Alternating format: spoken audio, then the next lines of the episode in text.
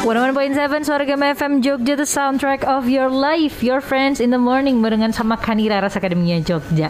Hari Senin selalu menentukan nasib sisa minggu hari-hari di minggu ini ya Akademia Jogja. So start your week right Dan tidak ada salahnya juga kalau kita memulai minggu ini dengan sesuatu yang baru Dengan mendiskusikan Mendiskusikan hal-hal yang bermanfaat Akademia Jogja. And as usual Kalau setiap hari Senin Your friends in the morning Bakalan ada sekolah Senin di Suara Gama FM nih Akademia Jogja. So kita mari langsung kita sambut aja ada Pak Guru Deon dari Suargama Training Center. Selamat pagi Pak Deon. Selamat pagi Deirara. Gimana nih sehat kabarnya sehat, Pak Guru? Sehat, puji Tuhan, semuanya sehat, keluarga juga sehat.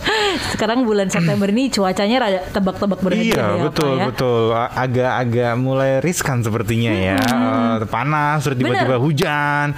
Kemarin tuh aku habis dari uh, dari mana ya? Dari satu satu room uh, apa namanya uh, minimarket yang cukup gede lah di daerah uh, Jogja gitu. Keluar tuh panas. Tapi begitu 50 meter berikutnya tuh langsung mak beres. Lihat belakang itu masih panas. Bener, bener, bener, bener. Oh, se ekstrim itu perubahannya. Bener, ini nih biasanya cuaca-cuaca yang bikin rawan sakit ya Pak Guru ya. Iya iya benar benar benar. Apalagi kondisi pandemi ini kan jadi jadi agak ngeri ya. Ini ini flu atau atau yang itu. jadi Iya, oh, oh. atau si C atau gitu. si C. Emang gitu ya makanya jaga kesehatan Akademia Jogja kalau ada kesempatan untuk berjemur matahari yang muncul langsung deh berjemur Betul. gitu ya. Anyway, pagi hari ini Pak Guru Deon Hmm. Kita akan membahas eh, topik yang tidak kalah seru dari minggu lalu ya. Yes. Minggu lalu kita kenalan nih sama trainer barunya STC. Sebenarnya nggak baru sih, baru dikenalin aja. Hmm, Baru dikenalin, disimpan dulu. Benar, itu ada kakak guru Dwi. Nah, yang di minggu ini kita kembali berdua sama Pak Guru Deon, tapi Hmm. akan membahas yang seru-seru, eh, yang seru-seru nggak kalah seru sama minggu lalu gitu. Kita Hmm. mau ngebahas soal apa nih Pak pagi hari ini Pak? Kali ini kita akan ngomongin tentang satu hal yang sepertinya banyak orang larang gitu loh. Tapi di sini saya malah mendorong. Hmm, wih, apa tuh? Jadi kan banyak banyak orang eh, apa namanya ngomongin jangan jangan mengeluh lah, bersyukur lah. Nah kali ini kita akan ngomong, ayo dong mengeluh. Karena kan judulnya di pagi ini kan eh, apakah harus selalu bersyukur gitu kan? Apakah memang harus selalu bersyukur? Boleh nggak sih kita kita mengeluh? Nah kita akan ngomongin fokus di di mengeluh. Karena Oke. kalau ngomongin bersyukur segala macam, I think itu sudah banyak orang yang membahas gitu. Bener. Terus juga ngomongin tentang jangan mengeluh itu juga lebih banyak orang yang membahas gitu Bener, karena bener, ada bener, side effect-nya, efek negatif segala macam. Nah, Heeh. kita kan ngomongin eh, yuk mengeluh yuk. Enggak, ini uh, aku mau tanya dulu sama Pak Guru Deon. Uh, Hmm. Kenapa Pak Guru kayak mendorong Akademia Jogja atau dek-dek murid ini untuk mengeluh apakah maksudnya uh, rilis energi negatif kah Hmm, atau kayak semacam bahwa ternyata mengeluh itu juga quote unquote ada manfaatnya atau gimana nih Pak? Hmm. Iya iya. Jadi kan memang dulu eh, sampai sekarang pun saya saya fokus di kecerdasan emosi ya. Hmm, Eh, terlebih dulu ketika di Jakarta memang fokus saya ngajarnya tentang kecerdasan emosi. Nah, salah satu kecerdasan emosi itu ngomongin tentang orang yang cerdas emosi adalah orang yang bisa memanage emosinya, bukan orang yang memendam emosinya. I see. Jadi let's say uh, orang yang cerdas emosi itu bukan orang yang selalu tersenyum, selalu bahagia, selalu bersyukur. Itu mungkin bisa bisa saja dia nggak nggak cerdas emosi gitu loh. Karena dia kemudian me- menyimpan emosinya kemudian memendam emosinya dan cenderung me- memilih untuk selalu happy terus gitu. Itu orang-orang yang mungkin belum uh, cerdas emosi. Ya walaupun ada orang yang happy yang bahagia juga cerdas emosi gitu. Uh, cuman kebanyakan orang berpikir orang yang cerdas emosi itu orang seperti itu. Orang yang sukanya marah orang yang moody orang yang uh, apa namanya uh, cerewet segala macam itu orang yang nggak uh, nggak cerdas emosi. Padahal belum tentu juga Iya, iya. Nah, salah satu tadi ngomongin tentang uh, mengelola emosi. Mengelola Betul. emosi adalah uh, salah satunya juga ngomongin tentang bagaimana kita bisa menyalurkan emosi tersebut. I see. Karena yang namanya emosi itu adalah energi. Betul. Hmm. Jadi kalau kita lagi emosi, pasti ada tambahan energi untuk bisa merasakan emosi itu. Contoh kasarnya adalah let's say ketika kita lagi jogging nih, uh, jogging di uh, GSP sebelah uh, kantor kita gitu ya, Geraha Sabah. Terus kemudian jogging sore-sore, eh tiba-tiba pas lihat belakang, eh ada anjing tuh, ada anjing gede yang nggak ada pemiliknya, nggak ada rantainya, lalu air liurnya ke mana-mana dan siap menerkam kita gitu. So apa yang terjadi? Pasti takut dong. Iya, iya. Pasti takut terus kemudian refleks kita apa? Pasti lari gitu. Iya, hmm. Dan ketika lari kecepatan kita kalau dibanding dengan kecepatan lari kita biasanya kalau nggak ada andi anjingnya gitu. Orang itu panik lebih, tuh. Orang itu lebih cepat atau lebih lambat? Lebih cepat. Pasti lebih cepat gitu loh. Iya, Ketika misal di depan ada selokan 5 meter yang Hmm. biasanya kita mau lompat aja mikir dan pasti nggak nyampe gitu. loh. Eh, ada anjing di belakangnya. Eh, nyampe loh. Apa yang membedakan? Bukan anjingnya, Hmm. tapi rasa takut tersebut, emosi takut tersebut. Hmm. Sama halnya eh, dulu ada ada cerita pas waktu perang dunia ke kedua yang Hmm. Nazi itu ke- kedua ya. Wah, Jadi kan eh, Eropa itu kan eh, mau dikuasai Nazi ya. Iya. Jadi ada sebuah kota kecil yang di mana mereka tuh punya sirine. Hmm. Yang di mana kalau sirine itu berbunyi berarti ada serangan eh, dari Nazi, Nazi, ataupun dari mana lah. Hmm, hmm. Jadi ada pem pemboman segala macam. Dan begitu serangan berbunyi, mereka eh, apa namanya eh, sirine berbunyi, penduduk sekitar itu langsung masuk ke dalam bunker mereka. Hmm. Karena ada bom segala macam lah. Nah begitu eh, apa namanya itu sudah selesai, mereka pada keluar eh, kota berantakan, kota luluh lantah. Terus kemudian mereka mencoba mencari orang-orang yang selamat di balik eh, reru- apa reruntuhan bangunan. Ada sebuah sebuah rumah yang di mana terdengar tangisan bayi di bawahnya, di bawah reruntuhan itu. Orang-orang kemudian berusaha untuk eh, menyelamatkan bayi itu, ngangkatin eh, reruntuhan Puing-puing, segala macam sampai akhirnya ketemu satu beton yang cukup gede diangkat oleh kurang lebih 10 orang eh, cowok gitu ya dipindahkan dan di bawah beton itu ternyata ada satu orang yang kemudian melindungi si bayi di bawahnya dan orang itu adalah ibunya. Oke. dan ibunya nahan dengan dua kaki kayak orang eh, apa namanya eh, merangkak itu. Heeh, heeh, heeh. jadi dua kaki dua tangan yang yang bawahnya itu ada anak bayinya. Dan ya ibunya meninggal bayinya selama di bawah. Iya iya iya. dan orang nggak orang nggak nyangka gila ya seorang wanita bisa menahan beton yang diangkat 10 eh, 10 pria hanya untuk melindungi bukan hanya untuk melindungi eh, anaknya gitu. Itu kan kalau nggak nggak energi yang gede nggak akan mungkin bisa nggak akan mungkin kuat gitu loh. Nah itu karena apa? Karena emosi cinta yang luar biasa sama si anak ini kemudian membuat ibu itu energinya jadi tambah luar biasa gede.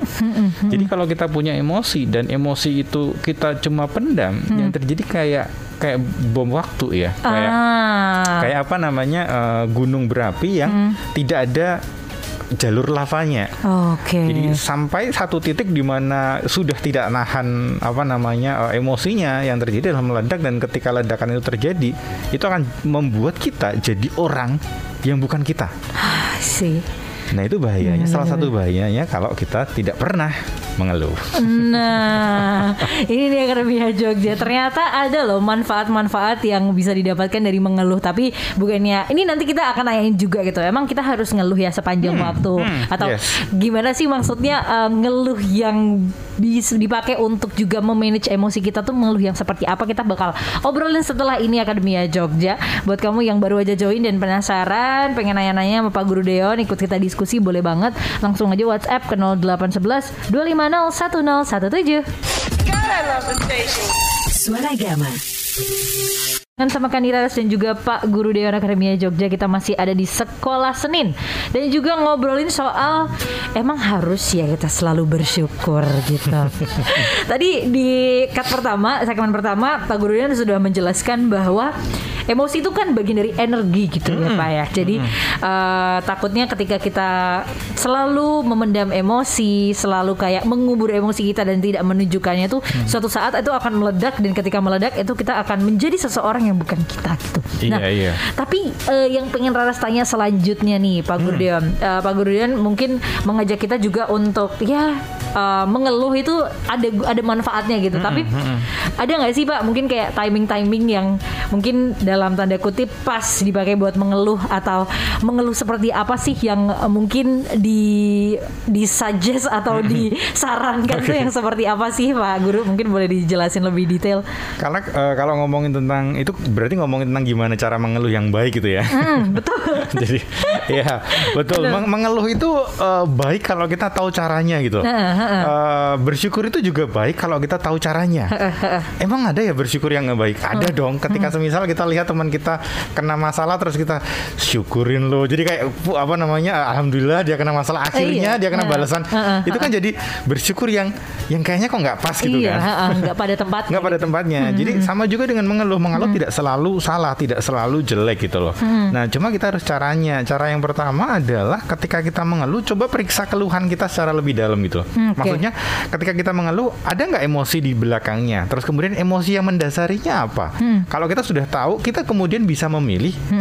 eh, semisal diksi yang kita keluarkan dalam keluhan tersebut, kan eh, kita selama ini kalau ngeluh ya ngeluh aja gitu kan, tanpa kemudian berpikir apa yang saya sampaikan ini mengganggu orang lain nggak sih? Bener. Apa, apa yang saya sampaikan ini, kata-kata yang saya sampaikan ini kemudian jadi self talk yang jelek nggak sih? Bener bener bener karena biasanya kan orang-orang kalau ngeluh tuh kan ya udahlah yang penting nggak peduli sama sekitarnya gitu. Iya, yang penting iya. keluarin aja gitu. Benar. Hmm. Nah itu cara yang yang kurang tepat kalau kita nggak peduli dengan lingkungan kan. Ha-ha. So harus eh, apa namanya seleksi dulu apa ya kata yang baik atau kata yang oke untuk mengeluarkan atau mewakilkan keluhanku ini. Terus kemudian di balik eh, keluhanku itu selain ada emosi ada dramanya nggak?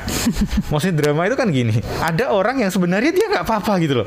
Cuma dia sok-sokan mengeluh supaya dikasihani orang kayak supaya eh, orang itu iba supaya eh, jadi apa namanya ada drama di belakangnya. Nah kalau ada drama better nggak usah dia mengeluh.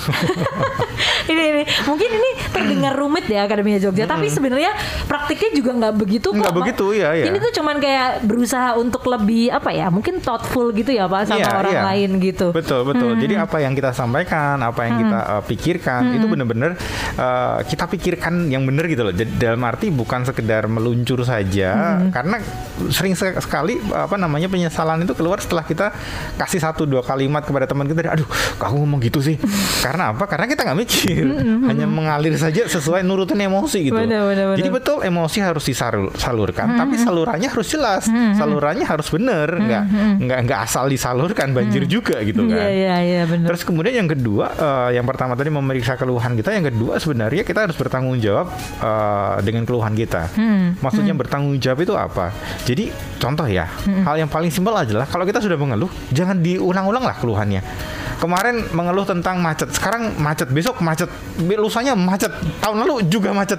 Ini orang emang emang doyan ngeluh Hmm. atau emang nggak punya solusi? Bener dan kayak nggak belajar dari pengalaman juga. Gak belajar dari pengalaman. Jadi balik lagi tanggung jawab dengan keluhan itu dalam arti adalah kita boleh mengeluh tapi di dalam keluhan itu jangan di diulang-ulang. Terus kemudian yang yang lebih baik adalah lakukan perbaikan dari, dari keluhan tersebut. Oke. Ketika misal, aduh kok macet banget sih kota Jogja, aduh macet eh, kok macet banget sih Jakarta. Ya udah deh, berangkat lebih pagi kayak cari jalur lain kayak naik eh, apa moda transportasi yang lain yang kemudian bisa menjawab keluhan tersebut. Bener. Jangan sudah tahu macet kalau berangkat jam 7 eh setiap hari mau nggak jam 7 ya pasti kena macet gitu loh. Jadi tanggung, Bener-bener. tanggung jawablah dengan keluhanmu. Jangan asal lempar saja nggak ada tanggung jawab dari kita. Bener bener bener. Jadi istilahnya kalau kamu ngelempar keluhan tuh nggak satu arah gitu ya Pak Guru yang cuman kayak pengen marah-marah doang nih, tapi nggak ada cara untuk meredam marah-marahnya juga. Yes, gitu. betul, betul. Bahkan ada ada sebuah buku yang menarik nih, eh, buku yang ditulis oleh Will Bowman. Dia dia menuliskan sebuah buku eh, yang du- judul- eh, judulnya A Complement Free World. Jadi dia di dalam buku itu pengen mengajak orang-orang yang baca itu untuk melakukan 21 hari Oh, oh, tanpa keluhan. terdengar sulit ya. Iya. Jadi buku dia bagus niatnya, bagus untuk kemudian membuat orang bersyukur segala macam. Yes, agree. Cuman eh, coba harus bayangin ya 21 hari tanpa mengeluh, tanpa kemudian eh, apa namanya eh, ngerasani tanpa kemudian ketemu dengan teman tuh, hey gimana kabarnya? Wah luar biasa pagi ini sungguh cerah, pagi ini oh, sungguh membuatku sangat termotivasi. Iya, iya, Itu kan iya. jadi nggak nggak menarik hidupnya. Kadang-kadang aja kita tuh eh, bener sih kayak kata Pak Guru Dewan kita kan sering eh, ngeluh tuh kadang nggak dipikirin dulu dan bahkan di bawah alam sadar gitu loh Pak. Maksudnya yang kayak maksudnya sesepele kita nyampe terus kayak ih udaranya panas banget itu kan termasuk keluhan. termasuk keluhan betul betul dan I think it's okay gitu loh Iya. asal kita nggak kemudian uh, aduh panas banget ya terus kemudian aduh udahlah aku nggak usah kerja lah karena panas udahlah aku Kok uh, merembet? ya kalau merembet itu kan jadi jadi keluhan yang yang nggak oke kan Bener, bener, bener. dan kita nggak tanggung jawab dengan keluhan itu kan. Udah tahu panas ya udahlah nyalain AC atau udah tahu panas pakai uh, baju yang nggak usah tebel-tebel uh, bawa kipas apa kayak sesuatu yang kemudian bisa menyelesaikan masalah itu gitu loh. bener, bener. sekali dua kali bahkan seorang filosof dari uh, Texas University uh, si Mariana Alexandri dia mengatakan bahwa mengeluh itu bukanlah bukti ketidakbahagiaan kita, Oh. tapi uh, dengan caranya sendiri mengeluh itu justru menghasilkan kebahagiaan yang lebih besar. Ternyata mengeluh brings happiness Akademia Jogja. Kalau caranya Kalau tepat. caranya tepat dan di waktu yang tepat juga. Bener. Ketika misalnya kita ketemu dengan teman-teman, kan di dalam obrolan kita kan ya mungkin lebih banyak ngerasani orang ya, lebih banyak eh, apa ya, lebih banyak keluhan gitu. Benar. Dan itu yang membuat suasana hidup kan, yang membuat suasana itu eh, apa namanya menyenangkan. ya tadi coba bayangkan ketemu dengan geng kita, ketemu dengan rekan-rekan kita, isinya semua bersyukur, bagus, iya Bagus. bagus. Heeh. Tapi kok ada yang kurang Ah, gitu. Iya. Jadi ya uh, si si apa namanya Mariana tadi mengatakan ya apa mengeluh itu sebenarnya bisa membuat kita juga bahagia. Betul. Oke, kita akan ngebahas lagi Akademia Jogja tentang mengeluh dan apakah kita harus selalu bersyukur gitu ya. Tapi ternyata memang eh, di segmen kedua ini Raras juga jadi belajar bahwa mengeluh itu memang salah satu mode juga untuk ngerilis energi negatifnya kita ya Pak Guru Deon ya. Hmm, betul. Kita bahas lebih lanjut setelah ini Akademia Jogja. Jangan ke mana-mana. 101.7 Suara Gem FM Jogja The soundtrack of your life. Masih di Your Friends in the Morning Barengan sama Kani Raras Akademia Jogja Dan juga Pak Guru Deon dari Suara Gama Training Center. Membahas soal manfaat mengeluh. Saya bukan manfaat mengeluh sih Akademia Jogja. Lebih ke gimana sih sebenarnya Pak Guru Deon caranya mengeluh dengan baik dan benar gitu ya. Kan karena uh, kalau misalkan mengeluh Tadi sempat dibahas juga sama Pak Guru Deon Ketika kita ngeluh nggak tahu tempat dan nggak tahu waktu tuh Akademia Jogja bisa jadi tuh malah kita yang ngebawa vibes uh, negatif, Negatif, buat orang-orang yang kita ceritain gitu Akademia Jogja. Kita lanjut kali ya Pak gimana nih caranya buat mengeluh uh, dan manfaat mengeluh gitu. Silakan Pak Guru Deon. Oke, kalau ngomongin manfaat, eh, tadi kan kita udah ngomongin tentang bisa menurunkan stres ya, Betul. karena eh, kita bisa kemudian me- me- mengeluarkan emosi-emosi yang di- dipendam itu dengan dengan cara yang baik gitu. Eh, bahkan eh, menurut ahli kejiwaan itu me- me- menunjukkan mengeluh itu adalah salah satu cara eh, coping mechanism. Jadi apa ya kayak kayak ya membuat kita eh, rilis energi yang negatif lah. Cuman ya balik lagi ketika kita punya sampah, buangnya harus di tempat sampah. Betul. bukan buang di meja makan. Analoginya gitu ya Iya. Akademia Jogja. itu kan stres itu kan ya apa namanya salah satu uh, yang bentuk sampah juga yang harus di, di dirilis kan. So tempatnya harus benar juga. Terus kemudian juga tadi ngomong tentang kalau kita nggak nggak menyalurkan energi kita yang terjadi adalah kayak gunung es atau atau kayak bom bom bom waktu tuh yang bisa bisa aja waktu waktu waktu meledak hanya dalam uh, trigger yang simple gitu. Iya, iya. Pernah nggak sih kita punya teman atau kita mengalami sendiri triggernya simple cuman eh kamu kok kelihatan eh, lemes sih baru cuma dibilangin kelihatan lemes aja udah langsung marah-marah padahal biasanya dihina kayak dibully kayak itu biasa aja gitu loh Iya, cuman iya. kok ini karena ini eh, dibilangin lemes aja udah langsung eh, mencak-mencak gitu Iya, iya, iya, ya iya. mungkin karena itu triggernya yang lain yang dulu-dulu itu terpendam dengan baik gitu Bener, bener, terus bener. bocor.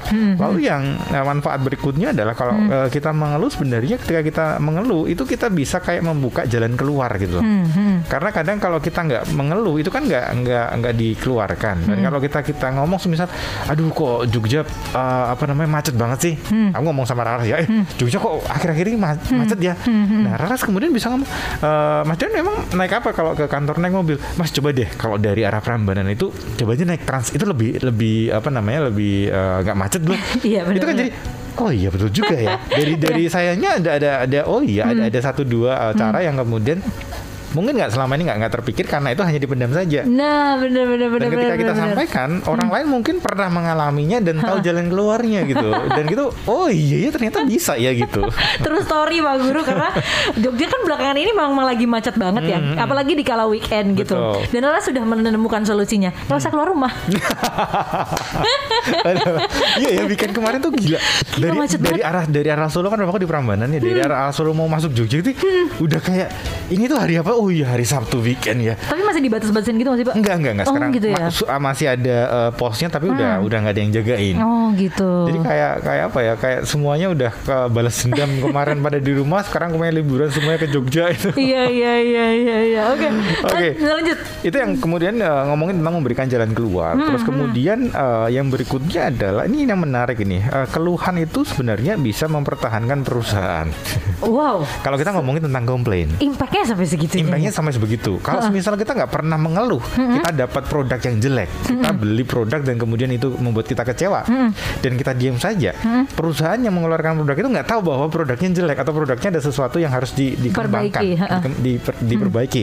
Yang terjadi apa? Ya mereka kan stuck dengan dengan produknya itu saja karena mereka merasa ini baik-baik saja kok Bener, masyarakat bener. menerima nggak ada feedbacknya, nggak ada keluhannya, nggak ada komplainnya yang terjadi ya kita nggak akan kemudian mendapatkan sesuatu yang lebih baik. Jadi eh, ketika kita eh, apa namanya komplain, ketika kita mengeluh tep- tempatnya tepat, itu akan membuat orang lain bisa menjadi lebih baik juga, perusahaan bisa lebih baik. Dan kemudian kalau ngomongin tentang eh, perbaikan juga dengan keluhan sebenarnya banyak penemuan loh. Iya iya iya. Coba bayangkan orang-orang penemu-penemu dunia ini ya, penemu-penemu teknologi ini kalau dulunya orang nggak mengeluh, nggak akan ada tuh temuan-temuan baru itu. Bener-bener ini kayak Raras pernah uh, baca di mana ya. Pokoknya tuh penemuan tuh diawali dengan keresahan Dengan sebetulnya. keresahan.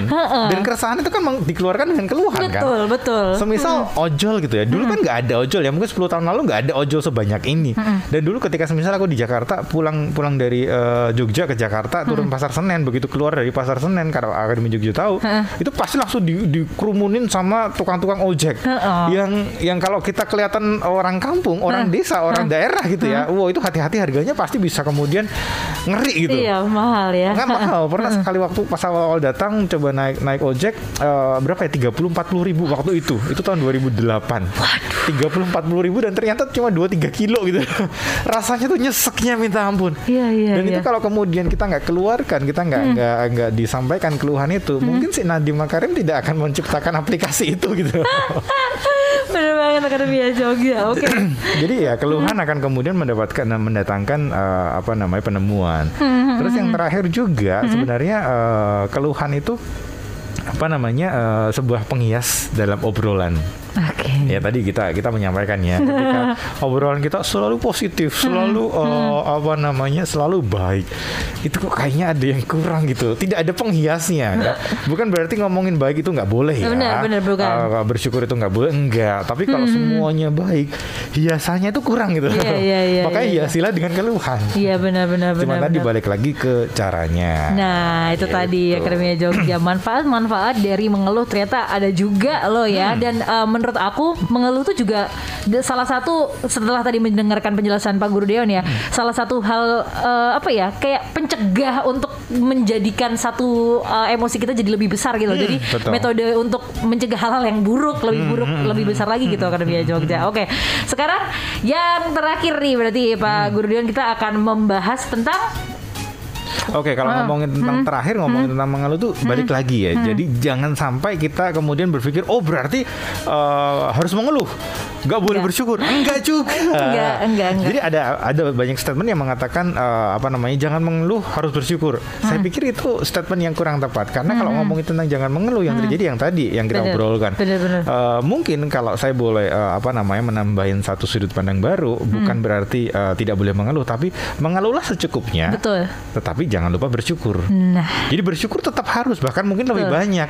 Tapi kemudian jangan lupakan ya mengeluh secukupnya lah. gitu. Ini nih Akademia Jogja cara mengeluh dengan baik dan benar. Ternyata ini ba- cukup banyak manfaatnya untuk kita. Tapi bukannya kita untuk pagi-pagi nih ngajakin kamu ayo pagi-pagi ngeluh enggak Mengeluh ya. enggak, enggak.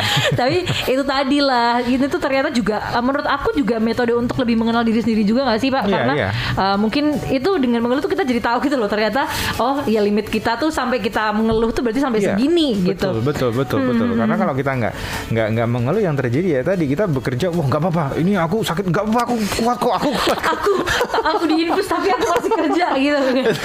Juga terus kemudian jadi jadi jelek juga buat kita gitu. Bener banget. Oke, kalau gitu mungkin ada closing statement tidak nih dari Pak Guru Deon pagi hari ini terkait topik kita mengeluh ini. Ya, closing statement saya t- tadi yang terakhir kurangi keluhan dan bertambah bersyukur. Jadi bukan hilangkan keluhannya, kurangi saja. Kurang ya aja gitu ya.